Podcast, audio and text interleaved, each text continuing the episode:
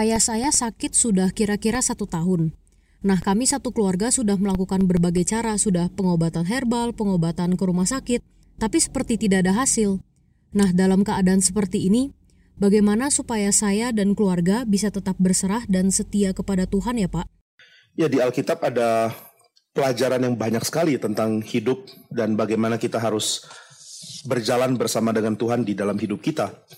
Kalau kita lihat Alkitab memberikan kepada kita kepastian tentang keselamatan, lalu Tuhan juga menjanjikan akan ada ciptaan yang disempurnakan nanti.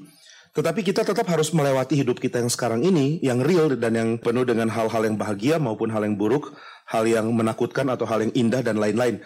Jadi ada begitu banyak hal yang kita hadapi sekarang dan bagaimana kita menghadapinya dengan cara yang baik, dengan cara yang benar, itu yang Tuhan mau.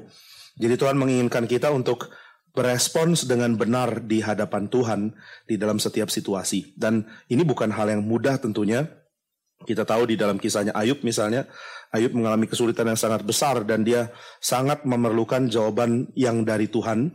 Tapi Tuhan menjawab dia dengan cara yang unik, dengan cara yang memamerkan kepada dia semua kestabilan dari alam dan keteraturan karena penyertaan dan pemeliharaan Tuhan. Dan ini membuat Ayub menyadari bahwa Tuhan adalah Tuhan yang memegang seluruh alam. Tuhan adalah Tuhan yang memberikan bintang-bintang tempatnya di langit. Tuhan adalah Tuhan yang membuat musim berada pada saat yang tepat dan seterusnya. Tuhan yang memelihara seluruh alam ini. Maka topangan Tuhan nggak mungkin nggak ada. Kalau Tuhan nggak topang, alam ini nggak mungkin berjalan seperti ini. Itu yang Tuhan mau Ayub gumulkan. Sehingga Ayub belajar dan kita juga tentunya akan belajar bahwa segala yang terjadi itu terjadi dalam topangan Tuhan yang penuh belas kasihan. Allah adalah Bapa yang mempedulikan seluruh ciptaannya sehingga dia mengatur seluruh ciptaannya.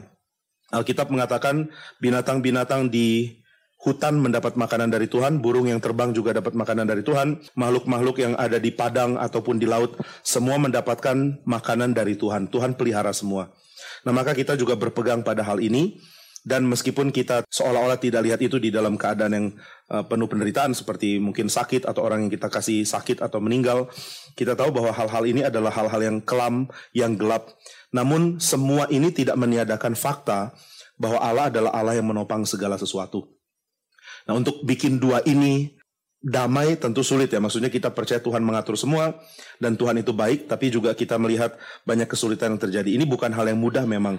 Tapi Tuhan mau kita terus bergumul dan mempercayai bahwa kedua hal ini benar, bahwa kita memang bergumul dan sulit dalam hidup, dan Tuhan adalah Tuhan yang memelihara dengan caranya yang sering kali melampaui pengertian kita. Nah sehingga kita akan berjuang untuk mendapatkan hidup yang lebih baik. Kalau sakit kita berusaha untuk cari pengobatan, dan berusaha minta bijaksana dalam setiap keputusan apa yang harus dilakukan sambil menyadari ada Allah yang menopang dan menyertai dalam setiap keadaan yang dialami oleh anak-anaknya. Dari sini kita belajar untuk kenal Tuhan dalam setiap situasi, sehingga pengenalan akan Tuhan itu pada akhirnya akan menguatkan orang-orang percaya di dalam Dia.